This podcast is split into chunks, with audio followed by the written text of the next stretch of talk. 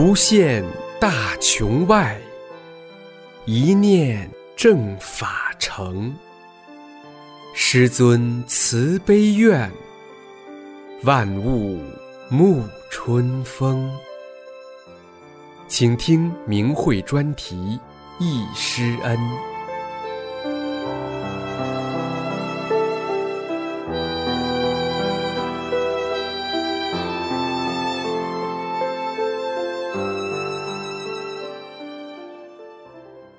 请听明慧交流文章，科研工作者亲身见证师尊神迹。作者：辽宁大法弟子。我一辈子从事科学技术研究工作，自小接受无神论教育，大学毕业后又受到严格的实证科学训练，所以在以后的几十年工作中，一直走着被认为是所谓最科学、正确的道路。还自以为是彻底的唯物主义者，但是老伴的一场疾病磨难与康复历程，对我产生了巨大的冲击和震动。那就是一九九四年三月二十七号，师尊亲自为我老伴调整身体所发生的神迹，使我真切地感受到法轮大法才是真正超常的科学。从而彻底使我改变了对科学和人生道路的认识，确认法轮佛法是最高的科学。自此，我走上了法轮大法修炼之路。病魔缠身，经历磨难，事情得从老伴说起。我俩都是科技人员，快退休的前几年，平静的生活发生了突变。他病了，先被错诊为脑血栓。几年间多次住院，最后才确诊为颈椎管严重狭窄。经过七个多小时的减压大手术，却因多种后遗症，致使病情反复，而且越来越重。尽管请了主刀的主任医师及其他中西医专家上门诊治、按摩、理疗，但这一切均毫无效果。在手术前，老伴曾经也参加过一些气功班。由很有名的大气功师灌顶，仍因无效而不得不接受既痛苦又有极大风险的手术治疗。然而，手术两年多后，反而卧床不起，肌肉逐渐萎缩，四肢无力，还不时浑身直冒虚汗。由于只能整天躺着，备受煎熬，几乎就像个瘫痪。在此期间，我既要上班，又要伺候病人。搞得疲惫不堪，一天也不能远离，因而一些重大学术会议及在南方的大中学母校百年庆典也不能去参加。如果工作中碰到非得出差不可时，就得事先请人护理，还得速去速回。闻询大法，深切期盼。正当我们陷入走投无路之际，据传法轮功祛病健身有奇效。还听说大法师尊马上要来大连办传功讲法学习班，我们就很想参加。此时，一位刚参加完天津法轮功学习班的同事，及时给我们送来了法轮功书及十六盘师尊现场讲课录音带。当晚深夜，我就如饥似渴地把《法轮功》一书拜读了一遍，真有相见恨晚的感触。因为我自幼就对宇宙起源。生命起源等诸多问题感兴趣，所以经常阅读一些科学画报、飞碟探索等许多这方面知识的杂志。然而，我所要寻求的问题，他们都讲不清楚。但是在《法轮功》这本书中，却有精辟的论述，使我耳目一新，大开眼界，感觉到这功法太好了，因此从内心产生出一股迫切想要参加这期学习班的愿望。另外，我单位的几位气功爱好者，也为我们提前买好了票，并鼓励我老伴：“可能奇迹就会在你身上出现。”紧紧握住师尊的手，我们日夜期盼的开班日子——一九九四年三月二十七号，终于到了。我将穿着皮大衣、围着长围巾、盖着大毛毯的老伴背进了外语学院礼堂左前排前面安排好的躺椅上。安静地等待着开课，突然，先后有工作人员和市气功协会负责人来要我们退票离场，还说这位气功师能量太大，功力太强，病号会出现危险的。我当时一下就急了，在此紧急时刻，我不顾一切地跳上讲台，到后台去找师尊说明情况。我第一眼看到慈眉善目的师尊，和书上的照片一样，抑制不住内心的兴奋，恭恭敬敬地走到师尊面前，问道：“您是气功师李洪志老师吗？”师尊答道：“我就是。”这时，我上前握住了师尊的手。并简短地介绍了老伴的情况。师尊说：“我不治病。”我马上急切地说：“老师，我们不是来治病的。在半个月前，我们就开始看您的书，听您的讲课录音了，知道您办班不收重病号的理。但他一不患精神病，二不瘫痪，能够坚持学习。我们是来学法轮功的。师尊使我们成为世界上最幸福的人。”师尊听后，微笑地点着头说道：“这个学员还有点悟性，让我去看看。”啊，老师叫我们学员了，老师收我们做学员了。没想到师尊的看看，竟是直接为老伴清理起身体来了，这才使我恍然大悟。原来师尊是为了使真正要来学功的人，能有健康的身体，可以进行大法修炼而清理身体的。清理过程中，只见师尊在老伴头顶及后脖上拍了几掌，然后又开始清理双肩和双腿。眼看着师尊的手从身体的双侧大约十几公分处滑动，到脚跟处收拢成拳头，似乎是把捏在手心中的什么东西往地上深处重重摔去。这整个过程前后不到两分多钟。师尊说：“好了，你走走看。”老伴在台前走了两圈后，师尊又告诉说：“没病了，可以回去坐着听课了。”自此，老伴就能坐着听课了。站在旁边的我，亲眼见证了师尊亲手清理身体的全过程。整个礼堂里响起了阵阵掌声。神了，真的神了！奇迹真的在我老伴身上出现了。第一堂课是我背着老伴进会场的。但下课时，他感到两腿变轻了，竟自己慢慢地走出了礼堂。回到家门口后，当我再次准备背他上楼时，他说：“我自己走走看。”结果他把着楼梯扶手，一步一步地走上了三楼。这真是个奇迹！一个久病卧床不起的人，经过师尊两分多钟的清理，刚听完师尊一堂讲法课后，竟然可以自己行走。并上了三楼，回到家中，真是不可思议的奇迹。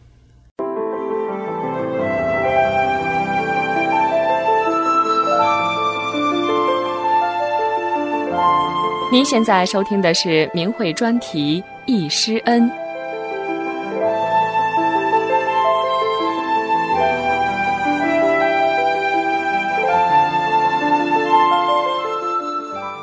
以后老伴的康复过程也非常快，随着练功、听讲法录音，逐渐感到双腿有力了。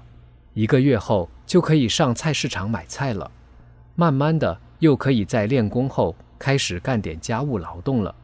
到七月初，师尊第二次来大连办班前，我们就可以跟其他同修一道乘公交车自行到机场去迎接师尊了。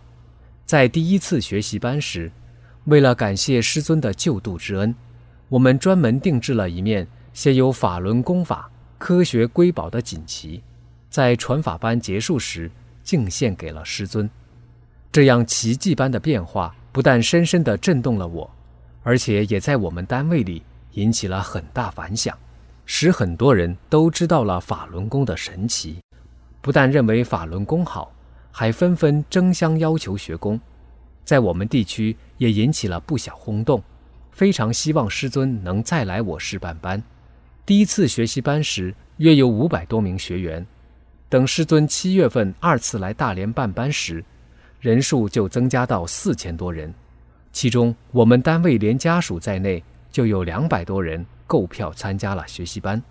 在师尊十二月份第三次来大连办法轮功报告会时，市体育馆里六千六百多人的座位上全坐满了人，就连场地中央及所有步行道上也挤得满满的，真是大法在红传，众生在期盼。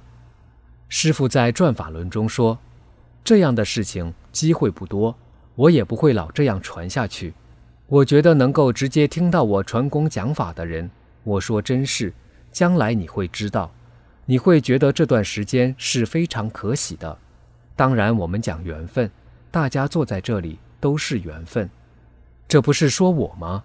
十九年的时间过去了，但当时会场中的情景依然历历在目。”师尊说话的声音及动作，我当时的喜悦、感动、敬佩、感激之情仍然充满在我心中，永远都在打破我层层层层人的观念，荡涤着我这被污染了的心灵。我也正是因此而走入了大法修炼。师尊的慈悲，使我们成为世界上最幸福的人。大法神奇，科学见证。助师正法。随着老伴的逐渐康复，我也得到了解脱，不但可以正常参加科研工作，也能够放心的出差和参加各种学术会议了，甚至还可以返回家乡母校，参加与五十年未曾见面的老同学聚会。他们见到我时都感到非常惊讶，还认为我老伴有病不能来参加呢。没想到我却轻松高兴的来了。我讲述了亲身经历的师尊神迹，他们都惊叹不已，纷纷从内心里发出了赞扬：“法轮功真好！”我这些同学中，有的是卓有成就的博学之士，也有的是某些尖端科学领域中专家权威，在与我交流讨论中，不时发出真诚的感慨：“法轮大法才是真正的科学。”他们说：“你亲身的经历。”就是最真实的见证。这些年来，在清明期间，我经常来往于南北城乡之间，师尊的神迹和大法的恩德，也在亲朋好友之间人传人的传颂着。由于我步入了修炼，使身体保持了良好的状态，从而在退休后，由于工作需要，又被课题组返聘，多工作了十一年，为心仪的科研事业。发挥余热，更可喜的是，经过大法修炼，在真善忍法理的指导下，心性不断的提升，好像师尊给我增智增慧似的，使头脑更加灵活，精力更加充沛，对各项科研实验数据的分析更加精准，对矛盾的剖析更加正确，使我所参与的科研课题在化工、生物。医学专业人员紧密合作中，开创性的研制出一种新型的生物医学电子学规模化制备系统，它的技术性能及水平达到国内外先进甚至领先地位，并为以后接手的工作人员进一步的改进工作打下了良好基础。为此，在我第二次完全退休后的那年，获得了市技术发明一等奖。师傅在《精进要旨正实》中说：“那么，作为一名修炼者，要用一切有利的条件弘扬大法，证实大法是正确的，是真正的科学，而不是说教与唯心，是每一位修炼者为己任的。没有这宏大的佛法，就没有一切，包括宇宙最宏观到最微观，以致常人社会的一切知识。”我作为一名现代科学工作者，因为师尊为我老伴清理身体而喜得大法，并在大法中受益，这是我的福分。这一切都是大法师尊赐予我的，没有师尊的救度，就没有我的今天。不管我是以什么形式走进了大法，都是我和大法的圣缘，我无比珍惜。所以我要用我的一切有利条件弘扬大法。证实大法是正确的，是真正的科学，而不是说教与唯心，更不是迷信。回想我这十九年的修炼路，很惭愧，因为自己修的不是太精进，人心根本没有去多少。三件事也在做，但是按师尊要求还差得很远。在个人修炼上，有些事还和常人一样。对照师尊的法，再看看同修们在大法中修炼的那么好，我很受感动。现在我虽然年事已高，但是我们正全身心地投入到大法修炼中，兑现史前的誓约，完成史前大愿，按着师尊的要求去做。师父在二零零四年纽约国际法会讲法中说：“其实。”如果你们念很正，走在街上，生活在你的城市里，周围一切的环境都会被清理，你的存在就是在起着救度众生的作用。所以我们要多学法，学好法，正念正行，修炼如初，更多的救度众生，以报师尊救度之恩。层次所限，师尊为我们付出的太多太多了，无以言表。只能拜谢师恩，何时？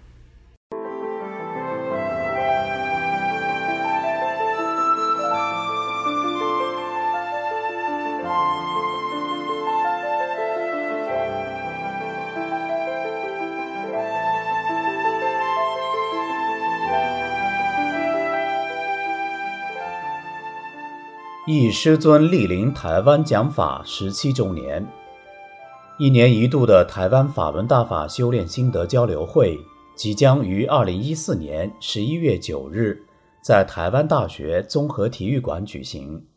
十七年前，即一九九七年十一月十六日和二十日，法轮功创始人李洪志先生曾莅临台湾台北三星国小及台中雾峰农工讲法，两千多人到场聆听。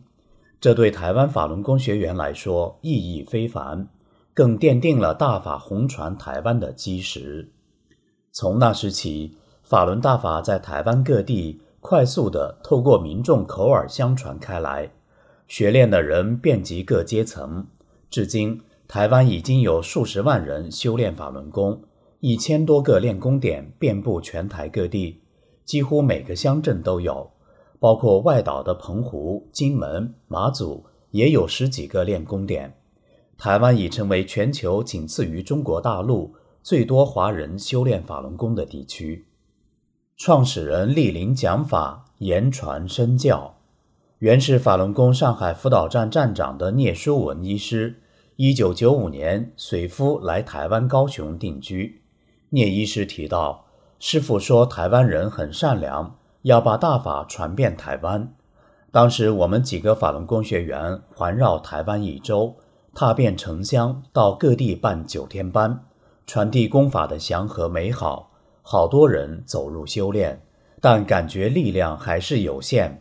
我们就有个心愿，想恳请师傅到台湾来，让台湾的民众有机会亲自聆听师傅讲法。一九九七年十一月份。法轮功创始人李洪志先生应邀来台湾讲法。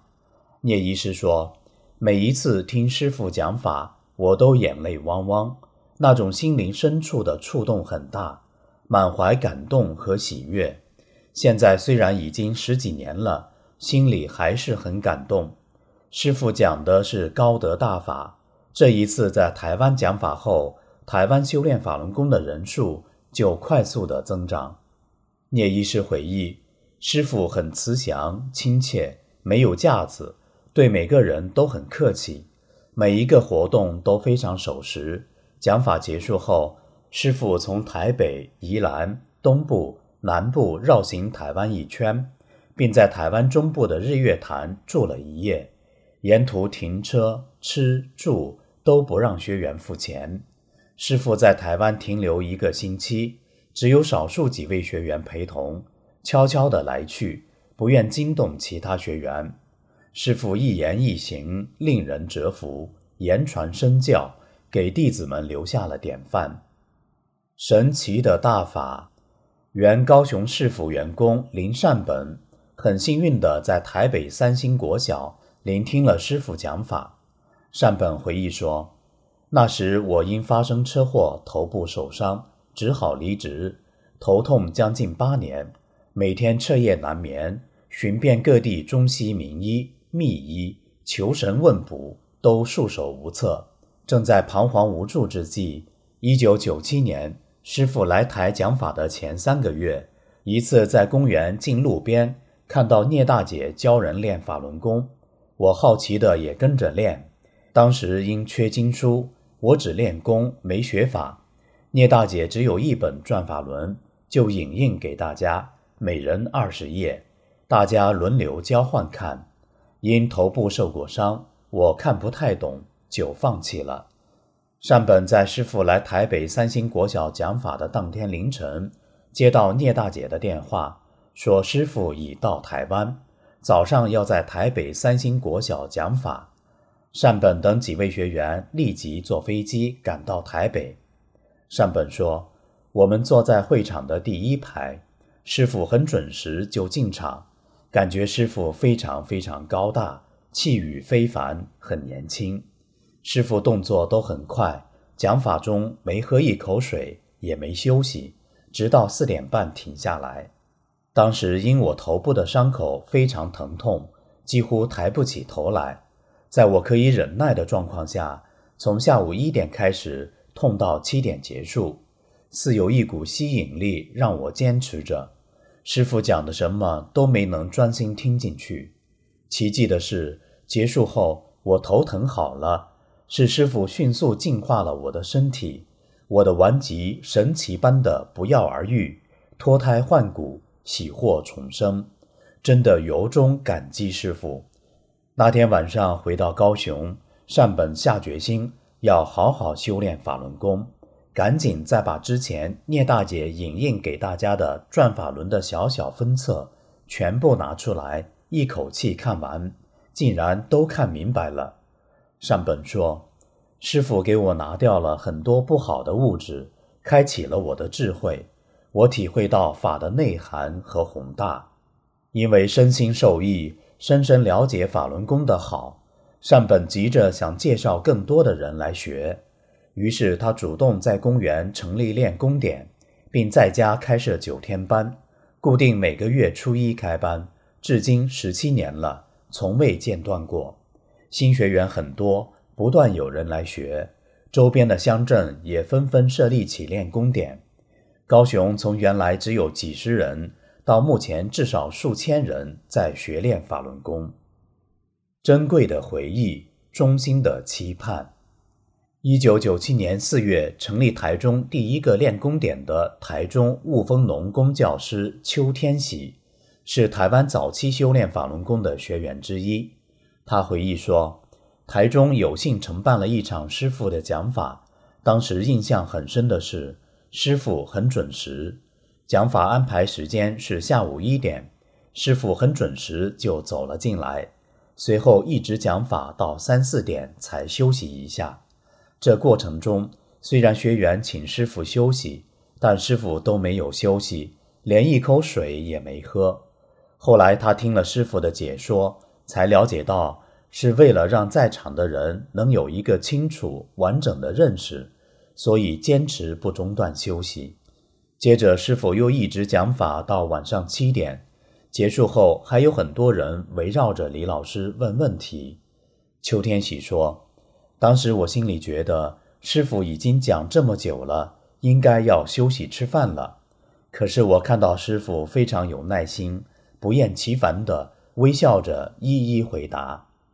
邱天喜说：“师傅讲法中，我印象最深刻的是，师傅特别强调说，台湾人的情特别重，这个情会像钢缆一样把人牢牢绑住。后来我对这个情就比较淡然，这个情的物质被师傅去的比较多。”邱天喜说：“这是我非常珍贵美好的回忆。”当时的场景至今仍记忆非常清晰，每一个镜头都栩栩如生，好像师傅就在讲台上讲法。我们仍非常期盼师傅能再次亲临台湾给弟子们讲法，这也是台湾很多学员共同的心愿。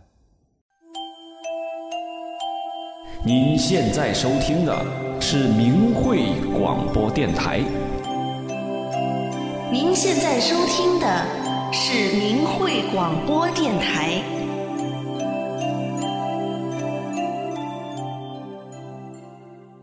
请听明慧交流文章。参加师傅讲法班后，疾病消失一身轻。作者：黑龙江大法弟子舒贤。我是一九九四年得法的老弟子，回想起参加师傅广州讲法班的日子，至今激动不已，难以忘怀。九四年我刚得法三天，就听说师傅要在广州办班讲法，我带一箱方便面坐飞机去了广州。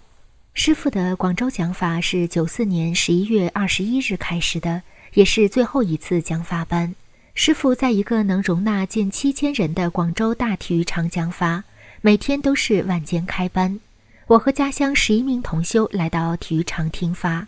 师傅讲法时是站在会场的正中间，我坐的位置离师傅最近，大约两米左右。我们静静地坐着等着，看师傅从哪边来。可一看师傅坐那儿了，师傅怎么来的？从哪儿来的？我眼瞅着就没看见。师傅来呀走啊，一次没看见。九天班都是这样看，一瞅没了，再一瞅坐那儿了。我第一眼看到师傅，就感到师傅那么高大，周围的同修都没有师傅高，太高大了。我穿着大毛领衣服，别人穿的都是半袖。师傅瞅我，我还不好意思地低下了头。师傅瞅我好几回，我坐在那儿就感到胃里往出吐沫，一会儿吐一口，一会儿吐一口，就感觉胃里非常舒服。当师傅讲法时，我就想：师傅啊，你把我胃治好就行，让我能吃饭就行。以前我一般东西都不能吃，萎缩性胃炎、风湿性心脏病、肝不好、贫血、便血等疾病，只能吃稀饭，水果也不能吃。师傅啊，能让我吃饭就行。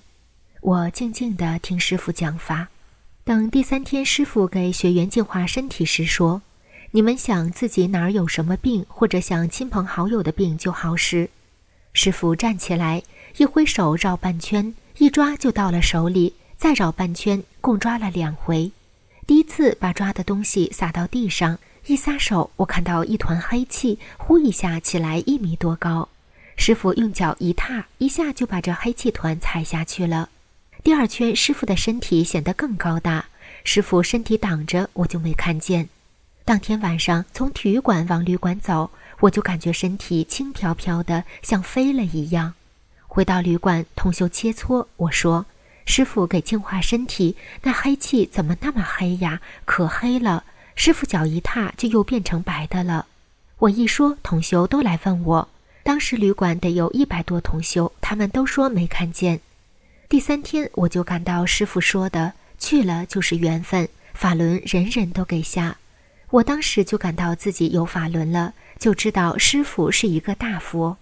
我从家走时，我的两手两脚全身都肿着，现在就感到我身体从上到下全变了，恢复了原样。十一月的广州天气也很冷，可我没觉得冷，睡觉感到全身湿漉漉的，还有药味儿，一摸全身黏糊糊的。九天班都是这样的感觉，还不是出汗的状态。睡觉不感到是在广州，就感到把家的一切全忘了，放不下的全没了。一会儿就连观念全改变了，什么都没有了，头脑空空的。我当时三十六岁，从来都没有一身轻的感觉。多少年柿子、香蕉不能吃，同修买回来让我吃，我说。不能吃，几十年也不能吃水果了，一吃就吐。同修说：“你能吃？”我当时就吃了好几个柿子、香蕉，吃了之后什么感觉也没有，正常了。过去吃水果肚子胀、全身肿，第二天我买来水果请同修吃，我也吃，心情那个激动啊，用语言无法表达，我就喊起来了：“我能吃水果了！我能吃水果了！”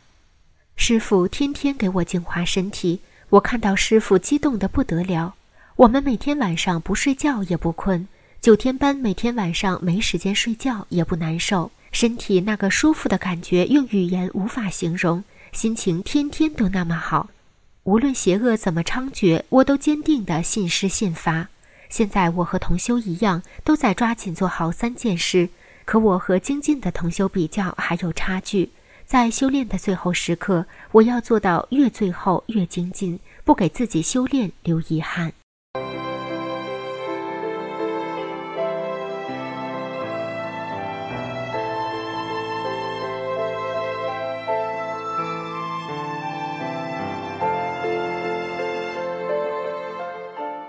请听明慧交流文章北京弟子易师恩作者北京大法弟子。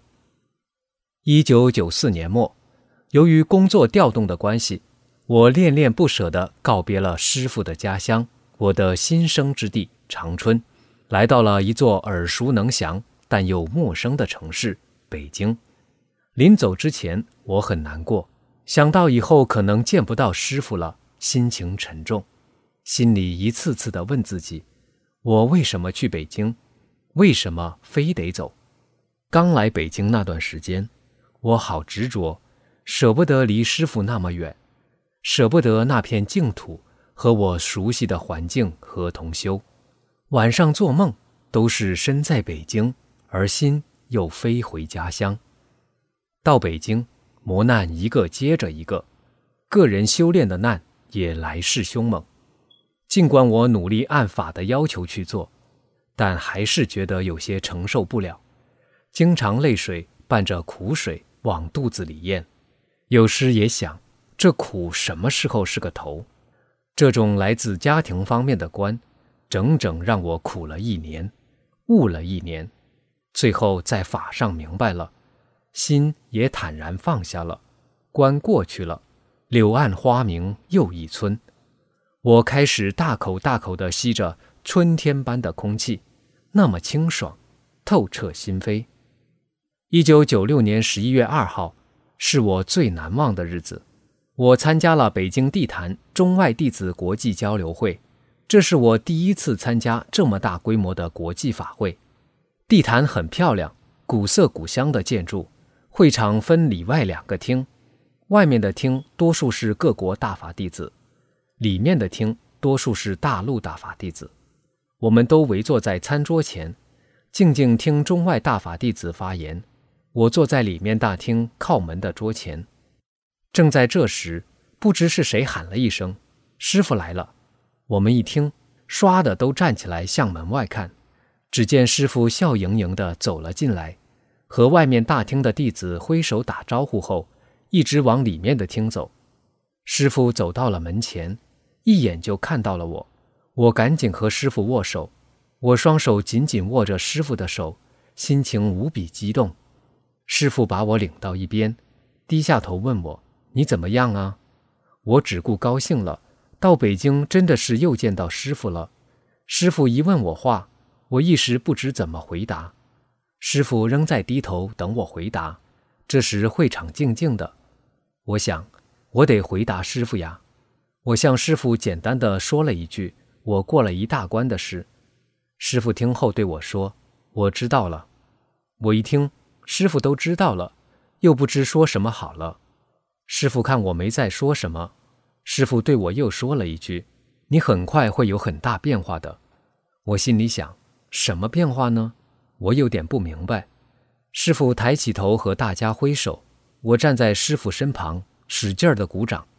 师傅往前走了几步，又对我说：“你很快会有很大变化的。”我还是似懂非懂地看着师傅。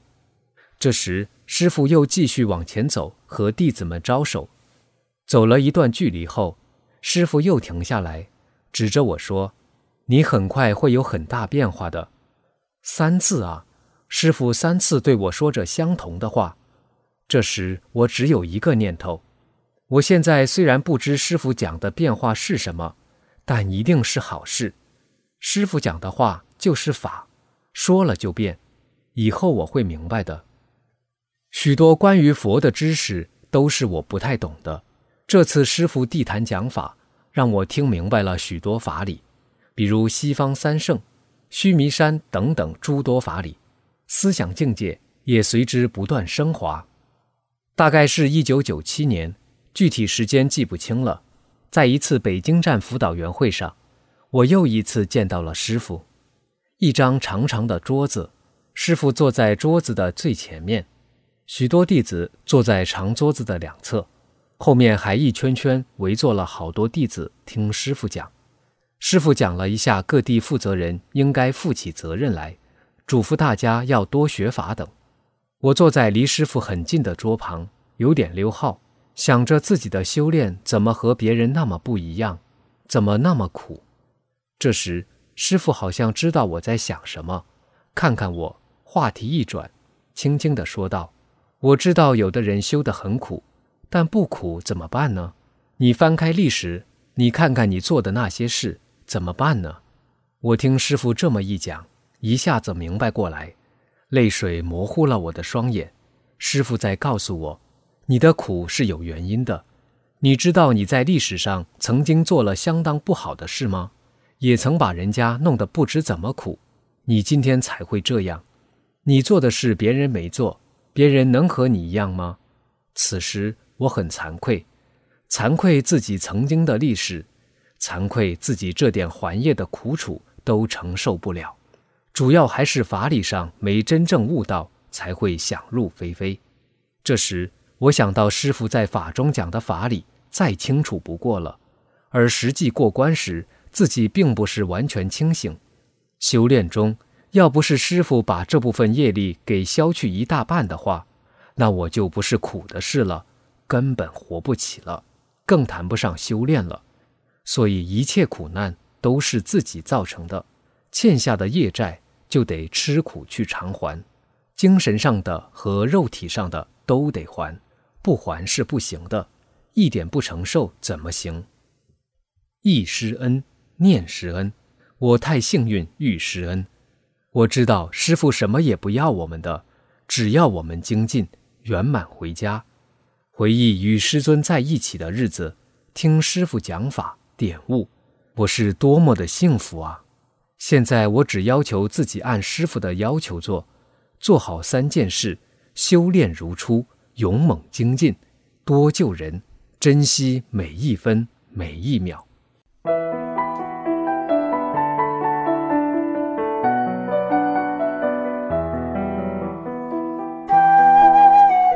您现在收听的是明慧专题《易师恩》。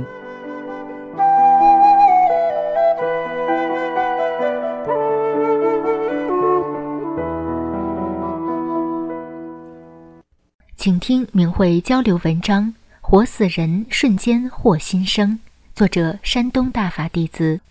我在一九九二年开始修炼法轮功前是一个活死人，弱不禁风。我要说出来，人会觉得不可思议。看到别人洗衣服，我就得累死过去；别人大声说话，能把我震死过去。全身疼痛、心脏病、肝结石、胃下垂、十二指肠溃疡、高血压、植物神经功能紊乱、乳腺增生，两个乳房上布满了口子，露着鲜肉在向外渗血等等。在病魔十二年的折磨下，骨瘦嶙峋，不知死了多少回。死后慢慢缓过来，清醒时那种痛苦，别人更难以想象。那时我想到过自杀，又舍不得孩子，每天以泪洗面，痛不欲生。一九九二年冬天，师傅来到我的家乡传授法轮大法。我丈夫怀着忐忑的心情，想请师傅到我家给我看看病，因为担心我身体出不来门。师傅说：“让他过来吧。”听丈夫一说，师傅让我过去。当时心念一闪去，瞬间感觉自己在变，身心都在变，就像冬眠的我一下到了春三月，我活了，能动了。我感到新奇，这不是一般的老师，决定让丈夫带着我去见见老师。见到师傅，我认识，是在梦中还是过去式，我不知道。的确，我认识师傅。师傅让我站好，闭上眼，我感觉到一只大手拍了我几下。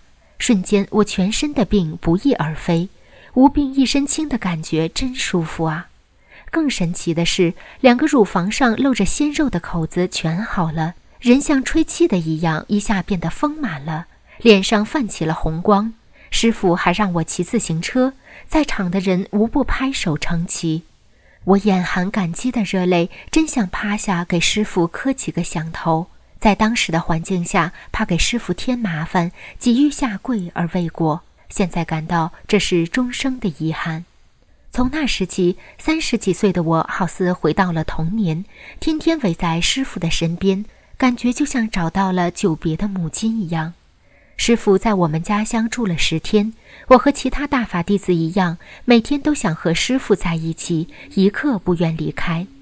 我跟着师傅去了萧城，去了大明，我沉浸在无比的喜悦和幸福之中。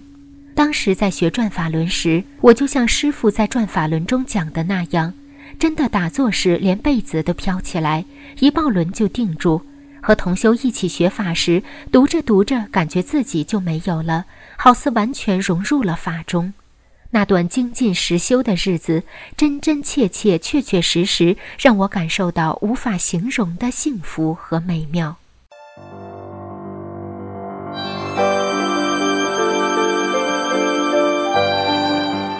这一期的易师恩就到这里，谢谢收听。